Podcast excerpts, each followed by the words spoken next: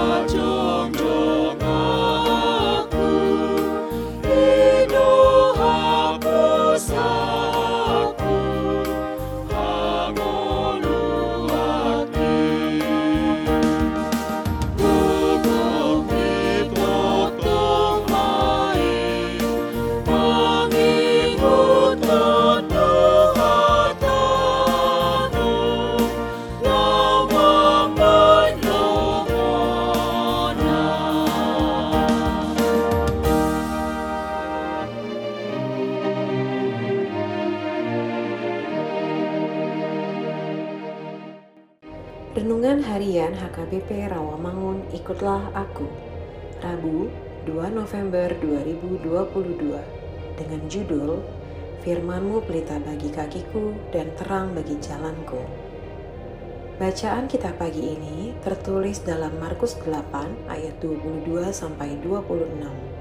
Bacaan kita malam ini tertulis dalam Daniel 1 ayat 1 sampai 21. Dan kebenaran firman Tuhan yang menjadi ayat renungan kita hari ini tertulis dalam 2 Timotius 3 ayat 16 yang berbunyi Segala tulisan yang diilhamkan Allah memang bermanfaat untuk mengajar, untuk menyatakan kesalahan, untuk memperbaiki kelakuan, dan untuk mendidik orang dalam kebenaran. Demikian firman Tuhan. Sahabat, ikutlah aku yang dikasihi Tuhan Yesus. Cermin merupakan kaca yang dapat memantulkan bayangan wajah kita atau untuk melihat di belakang kita Salah satu fungsi cermin adalah untuk melihat bagian-bagian tubuh yang tidak dapat kita lihat secara langsung. Dengan menggunakan cermin, kita dapat melihat bagian-bagian tubuh atau penampilan yang masih kurang ataupun sudah baik.